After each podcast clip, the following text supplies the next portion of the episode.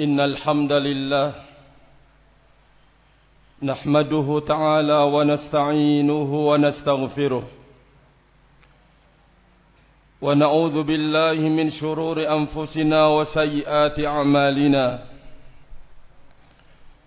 من يهده الله فلا مضل له ومن يضلل فلا هادي له أشهد أن لا إله إلا الله وحده لا شريك له وأشهد أن محمدا عبده ورسوله. يقول الله تبارك وتعالى في كتابه يا أيها الذين آمنوا اتقوا الله حق تقاته ولا تموتن إلا وأنتم مسلمون.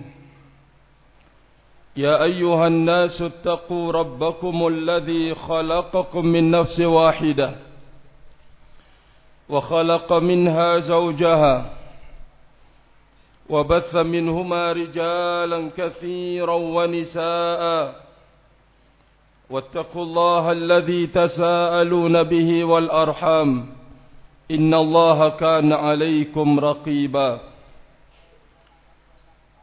يا أيها الذين آمنوا اتقوا الله وقولوا قولا سديدا يصلح لكم أعمالكم ويغفر لكم ذنوبكم ومن يطع الله ورسوله فقد فاز فوزا عظيما. فإن أصدق الحديث كتاب الله وخير الهدي هدي محمد صلى الله عليه وسلم وشر الأمور محدثاتها فإن كل محدثة بدعة وكل بدعة ضلالة وكل ضلالة في النار. أعاذني الله وإياكم من النار. عباد الله الله عز وجل telah merendahkan suatu kaum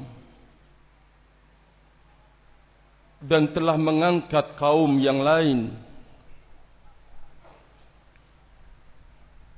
dengan hikmah dan kebijaksanaan Allah Azza wa Jalla Dan di atas keadilan dan kemaha ilmunya Allah Subhanahu wa taala. Allah Azza wa Jalla Maha mengetahui siapa yang pantas dan patut untuk mendapatkan syaraful hayah kemuliaan hidup. Dan dia Allah Azza wa Jalla Maha mengetahui siapa yang pantas untuk mendapatkan kehinaan dan kerendahan di dalam hidup? Allah subhanahu wa ta'ala maha bijaksana. Dan Allah azza wa jalla telah menyiapkan segala jalan untuk kemudian hambanya bisa meraih kemuliaan dan ketinggian di dalam hidup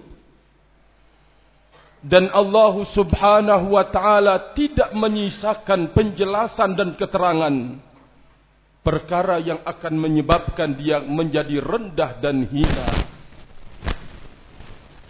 Ibadallah. Dengan apakah Allah subhanahu wa ta'ala mendongkrak kemuliaan seorang hamba? Akankah karena dia adalah punya keturunan yang mulia dan agung? Atau dia punya kedudukan dan posisi dan anak buah yang banyak?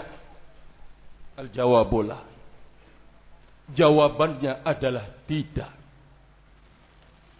Allah Azza wa Jalla telah menyiapkan jalan-jalan kemuliaan dan setiap orang mampu dan bisa untuk meraihnya tanpa terkecuali di saat manusia itu punya niatan, punya kemauan dan punya keinginan serta berupaya dan berusaha berkorban untuk bisa meraih dan memperolehnya.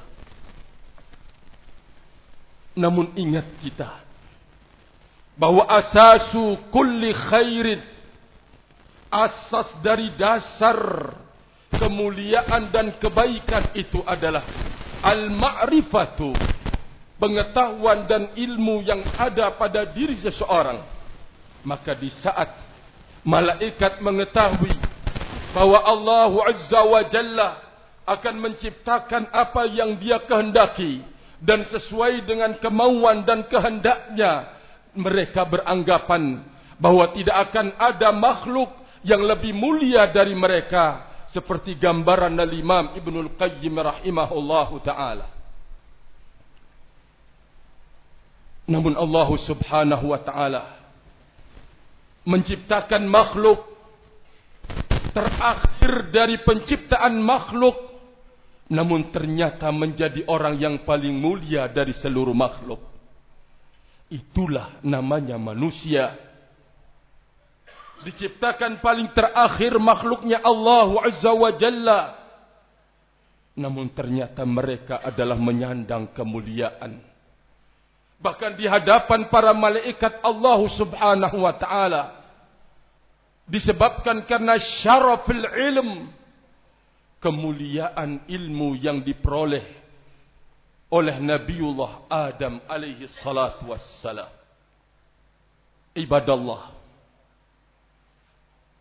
Malaikat menyangka di saat kemudian Nabiullah Adam alaihi salatu wassalam terjatuh dalam kesalahan dan kekeliruan Lalu kemudian Allah Azza wa Jalla mengeluarkan beliau dari dalam surga.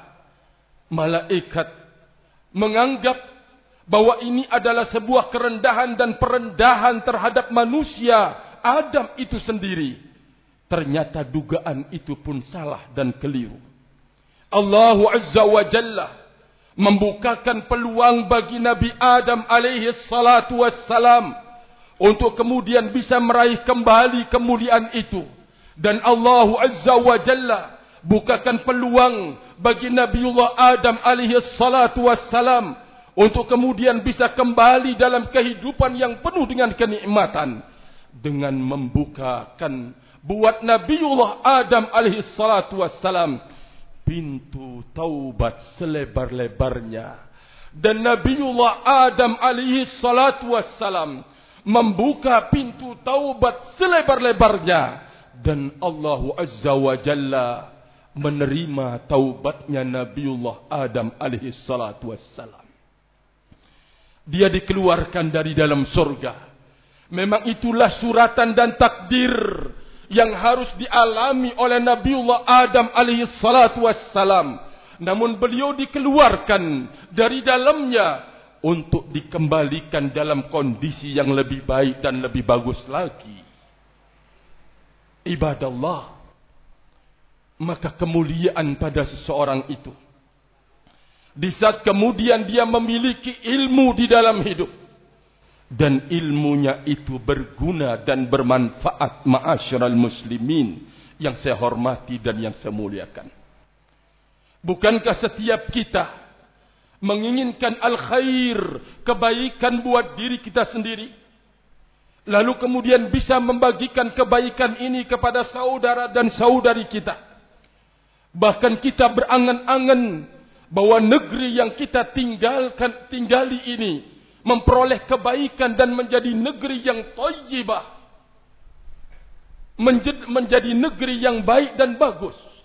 Tahukah kita pintu kebaikan buat diri dan pintu kebaikan buat saudara dan saudari kita dan pintu kebaikan buat negeri ini maka jawabannya adalah ilmu agama bukankah setiap kita ingin menjadi orang yang paling bahagia di dalam hidup lalu kemudian ingin membagikan kebahagiaan ini kepada siapapun dari saudara dan saudari kita. Bahkan kita ingin mewujudkan negeri kita ini berbarokah dengan kebahagiaan murni yang diberikan oleh Allah Azza wa Jalla. Tahukah kita mana pintunya? Apa jalan menuju ke arah demikian? Jawabannya adalah ilmu agama. Bukankah kita ini adalah manusia yang penuh penuh dengan kesalahan dan kekeliruan, mengandung aib dan segudang aib di dalam hidup. Nabi kita alaihi salatu wassalam mengatakan qala Allah azza wa jalla ya ibadi innakum tukhti'una bil laili wan nahari wahai hamba-hambaku kata Allah azza wa jalla Sesungguhnya kalian melakukan kesalahan dan kekeliruan, dosa dan kemaksiatan di malam hari dan di siang hari. An-Nabi alaihi salatu wassalam mengatakan kullu bani Adam khata. Setiap yang namanya bani Adam banyak melakukan kesalahan, kekeliruan, kekurangan. Kata Rasulullah alaihi salatu wassalam. Kita ingin menjadi orang yang sempurna sebagai manusia. Kesempurnaan dalam batas-batas kemanusiawian. Tahukah kita mana jalannya? Mana langkahnya? Mana caranya? Dan mana sebab-sebab yang akan menjadikan kita manusia ini kamil, sempurna ya ibadah Allah? Maka jawabannya adalah ilmu agama. Bukankah mengingin kita menginginkan semuanya kebagusan? Kesolehan di dalam hidup. Kesolehan diri kita. Kesolehan istri dan anak kita. Kesolehan tetangga-tetangga kita. Semuanya kita menginginkan itu. Tahukah kita apa jalannya? Tahukah kita mana jembatannya? Tahukah kita mana wasilahnya? Maka wasilahnya ada di dalam ilmu agama. Ibadah Allah. Kalau seseorang telah menggenggam sebuah ilmu agama, ketahuilah bahwa engkau mampu menggenggam ilmu agama, mengantongi ilmu agama, memahami ilmu agama semata-mata merupakan taufik dari Allah Azza wa Jalla. Seseorang itu menjadi baik. Kata Imam Ibn Al-Qayyim rahimahullah. Karena dia telah mendapatkan taufik dari Allah Azza wa Jalla. Barang siapa yang Allah Azza wa Jalla menginginkan kebaikan kepada siapapun. Allah subhanahu wa ta'ala menjadikan dia berilmu faqih tentang agamanya. Mari kita Ingat baik-baik susunan kalimatnya. Mayyuridillah. Barang siapa yang Allah Azza wa Jalla menginginkan kebaikan bahawa Allah lah yang punya keinginan pada kebaikan seseorang. Kip, mana langkahnya, mana jalannya, mana wasilahnya. Itulah ilmu agama rahimani wa rahimakumullahu jami'an. Maka tentunya barakallahu fikum. Kita menemukan dan menjumpai ada orang yang belajar ilmu agama bertambah ilmunya. Zida kibruhu wa tayhu bertambah keangkuhan pada dirinya ditambah kesombongan pada dirinya ma'asyiral muslimin rahimani wa rahimakumullah padahal dia telah berilmu dia telah memegang sebuah jalan menuju kemuliaan ilmu. Tetapi ternyata dengan ilmu ini zida kibruhu wa tayhuhu.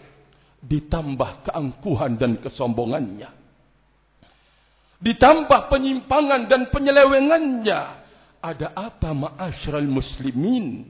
Ternyata di sana ada ayat-ayat Al-Qur'anul Karim yang telah memberitahukan dan menjelaskan akan laknat Allah Azza wa Jalla, murka Allah Azza wa Jalla, penyesatan dari Allah Subhanahu wa taala terhadap kaum yang mereka memiliki ilmu tetapi dia tidak mengamalkan ilmunya. Di sana mereka semangat untuk kemudian beramal tetapi dia tidak mau mengamalkan ilmunya, Pak. Mereka tidak mau Mereka tidak beramal di atas ilmu. Mereka mau beramal, siap untuk berjuang, siap untuk berbuat. Namun mereka tidak memiliki ilmu. Allah kecam di dalam Al-Quranul Karim. Allah Azza wa Jalla rendahkan mereka. Allah Azza wa Jalla hinakan mereka ma'asyiral muslimin yang saya hormati dan yang saya muliakan. Mereka memiliki ilmu barakallahu fikum. Maka oleh karena itu, kita akan menemukan dan menjumpai di tengah jalan orang yang bertambah ilmunya, zida kibruhu wa tayhu. Ditambah keangkuhan dan kesombongannya, ditambah kesesatan dan penyimpangan serta penyelewengannya. Tadi sudah kita mengetahui bahwa ilmu yang itu merupakan jembatan untuk kita menjadi orang baik, kita menjadi orang yang bahagia, kita akan menjadi orang yang sempurna ternyata terkait dengan taufik dari Allah Azza wa Jalla itulah gambarannya. Jikalau taufik dalam berilmu itu sudah diangkat dan dicabut oleh Allah Subhanahu wa taala. Zida kibruhu wa tayhuhu bertambah angkuh dia. Dan bertambah kesombongannya ma'asyiral muslimin yang saya hormati dan yang saya muliakan Lalu apabila dia bisa berbuat? Apabila dia bisa beramal? Apabila dia bisa berkarya? Apa yang terjadi Jikalau taufik itu sudah dicabut oleh Allah Azza wa Jalla? Al-Imam Ibn Al-Qayyim Rahimahullahu Ta'ala mengatakan Fa'in zida amaluhu. Jikalau amalnya itu ditambah Maka ditambah pula fakhruhu yaitu keangkuhan, kesombongan pada dirinya, wa ihtiqaruhu bin nas bertambah pula sikap pelecehan dan penghinaannya terhadap manusia. Bertambah barakallahu fikum. Bertambah ilmu amalnya. Maka bertambah pula sikap merendahkan, melecehkan orang lain. Yang ketiga, kata Imam Ibnul Qayyim rahimahullahu taala bertambah husnudzan terhadap dirinya. Tanda bahwa keberkahan dan taufik di dalam ilmu itu dicabut oleh Allah Subhanahu wa taala. Fa ya ma'syarul muslimin maka sadar dan sadarlah kita bahwa ternyata kesesatan sampai jurang kekufuran memiliki pilar-pilar yang tangguh dan kokoh. Siapapun yang membuka dan mendirikan pilar-pilar tersebut pada dirinya faqad fataha abwaab syarr. Dia telah membuka pintu-pintu kejahatan dan kejelekan pada dirinya. Kapan saja dia berupaya untuk menutup pintu-pintu itu maka di saat itu dia menutup pintu kejahatan pada dirinya. Siapapun yang kemudian Allah Azza wa Jalla telah timpakan kepadanya perkara-perkara besar yang menyebabkan dia tersesat, menyebabkan dia meninggalkan ilmu dan amal yang berbarokah sampai menjurus kepada kekufuran, maka memindahkan gunung itu lebih ringan dan gampang serta mudah baginya daripada mencabut barakallahu fikum sifat-sifat yang berbahaya tersebut. Mana dia ibadallah? Yang pertama adalah al-kibru. Sifat keangkuhan dan kesombongan yang ada pada diri seseorang. Yamna'uhul inqiyadah keangkuhan, kesombongan ini akan mencegah dia untuk mau tunduk dan mau patuh. Ingin menjadi orang yang teratas. Ingin menjadi orang yang pertama. Ingin menjadi orang yang tersohor dan termasyhur. Ingin menjadi orang yang di atas. Semuanya. Dia tidak akan pernah mau tunduk dan patuh. Barakallahu fikum. Yang kedua. Bahaya yang sangat terhadap diri seseorang akan bisa akan, akan bisa menyebabkan ilmu tercabut barokahnya di saat dia tidak mampu untuk kemudian melawan hasad yang ada pada dirinya. Yamna'uhu qabulan nushi wa badlahu. Sifat hasad yang ada pada dirinya adalah sifat yang akan mencegah dia menghalangi dia. Menghalangi dia, mencegah dia untuk mau menerima wejangan dan nasihat ya ibadallah. Adalah sifat hasad yang ada pada dirinya barakallahu fikum. Maka di saat seseorang sudah ilmunya menjadi ilmu yang berbarokah. Ilmunya menjadi ilmu nafi' maka semua jiwa-jiwa kejahatan yang dia belum atau sebelum dia berilmu itu sebelum dia mendapatkan taufik maka akan bangkit kembali akan muncul kembali akan tampil kembali untuk mencegah kata Imam Ibnul Qayyim rahimahullah maka setiap amalan yang dia lakukan setiap pekerjaan yang dia wujudkan sifat-sifat ini akan menggagalkan dia akan mencegah dia dan juga membegal perjalanannya. Barakallahu fikum. Hukuman dari Allah azza wa jalla. Ini semuanya sebagai sebuah gambaran bahwa orang yang tersesat setelah dia mendapatkan hidayah lebih sulit untuk kembali lagi kepada kebenaran dibanding dia tersesat karena asas kebodohan dan ketidaktahuan. Ibadah Allah maka di saat ilmu itu sudah tidak mampu lagi untuk kemudian menekan sifat hasad sifat-sifat itu akan bermunculan di permukaan. Dia tidak akan mau menerima nasihat. Walaupun Al-Quran dan Sunnah Nabi alaihi salatu wassalam datang menyapa dia datang mengingatkan dia datang menegur dia datang meluruskan dia dia tidak pernah akan menerima barakallahu fikum. Kita tahu bagaimana jiwa orang hasad tidak akan pernah mau ada orang yang selepel dengan dia, ada orang yang lebih dari dia.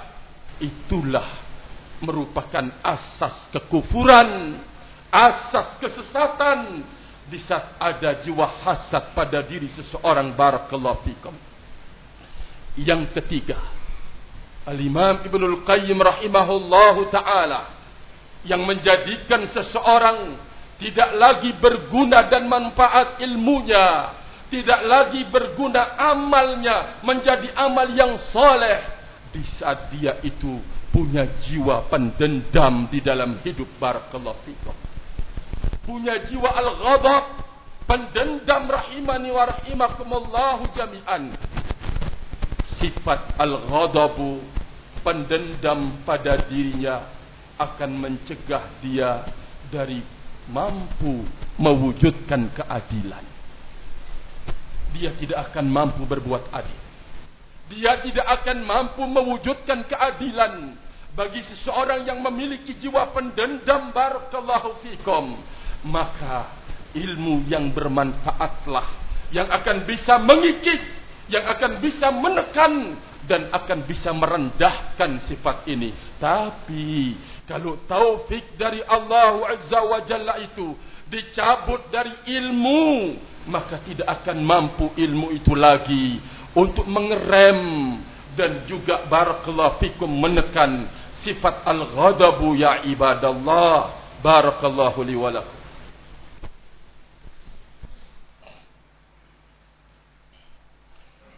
الحمد لله والصلاة والسلام على رسول الله وعلى آله وصحبه ومن والاه أشهد أن لا إله إلا الله وحده لا شريك له وأشهد أن محمدا عبده ورسوله عباد الله yang keempat dari empat pilar-pilar kekufuran pintu menuju kesesatan dan kerendahan serta kehinaan yaitu asyahwatu barakallahu fikum syahwat yang akan menggagalkan dan mencegah dia dari istibrak fil ibadah untuk kemudian memanfaatkan sebaik-baik mungkin kesempatan dan peluang untuk melakukan pendekatan diri kepada Allah subhanahu wa ta'ala rahimani wa rahimakumullahu jami'an maka jikalau pada diri seseorang berupaya membuka, membuka, membuka ini, maka akan terbuka. Tunggu. Tunggu dan tunggu. Tersesat sejauh-jauhnya. Bahkan akan sampai kepada tingkat kekufuran kepada Allah subhanahu wa ta'ala. Kalau dia tidak segera diambil kembali oleh taufik Allah subhanahu wa ta'ala. Faya ma'syaral muslimin.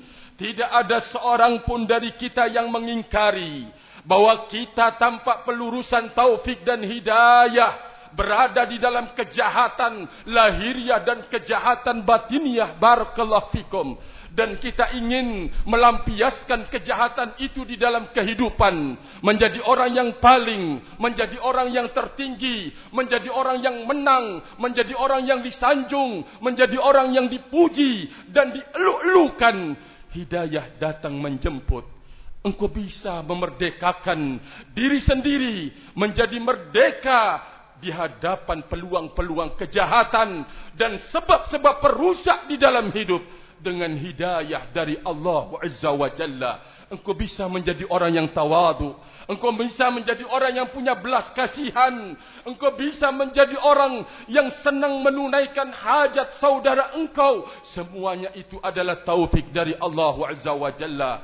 Faya muslimin. Bagaimana jika hidayah itu dicabut oleh Allah Azza wa Jalla.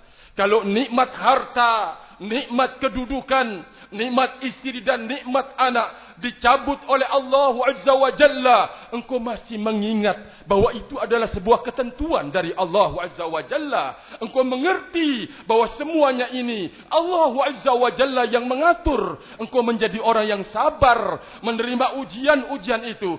Kenapa? Karena hidayah masih bersama engkau.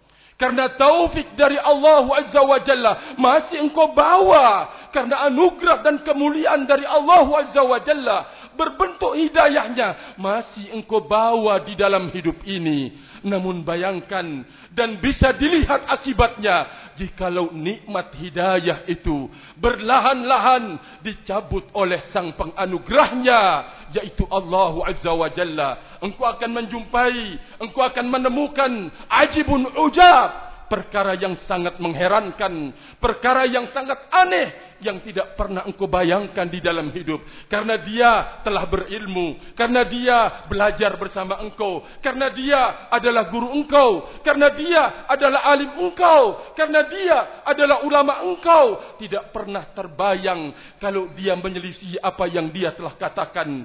Tidak pernah terungkap di dalam hidup kalau dia kemudian lebih rendah dari kita. Lebih hina dari kita. Melakukan apa yang telah dia ajarkan melanggar apa yang dia telah ajarkan dan juga melanggar apa yang dulu dia telah peringatkan dari kita. Semuanya ini lebih mengerikan jika nikmat hidayah itu dicabut oleh Allah Azza wa Jalla. Maka oleh karena itu, nikmat ini harus dijaga di dalam hidup. Nikmat ini harus digenggam dengan genggaman yang kokoh. Nikmat ini harus digigit dengan gigi geraham dengan terus berupaya memperbaiki sekerat daging yang itu muara kejahatan dan menjadi muara kebaikan agar terus kebaikan memenuhinya dan terpenuh berada padanya. Barakallahu fikum. Dan kita harus berupaya dengan banyak-banyak meminta dan berdoa kepada Allah Subhanahu wa taala. Semoga apa yang kita lakukan? Tangan yang kita menengadahkannya kepada Allah Azza wa Jalla. Kelelahan dan kecapean. Fi taatihi. Semoga ini menjadi sebuah bekal untuk melindungi dan menjaga hidayah itu. Wallahu taala a'lam bissawab. Mungkin ini yang bisa saya sampaikan di kesempatan yang mulia ini dan agung. Pertemuannya manusia yang terhormat di rumahnya Allah Subhanahu wa taala. Semoga ada manfaatnya buat diri saya sendiri dan segenap saudaraku kaum muslimin. Wa akhiru da'wana anil hamdulillah aqimis salah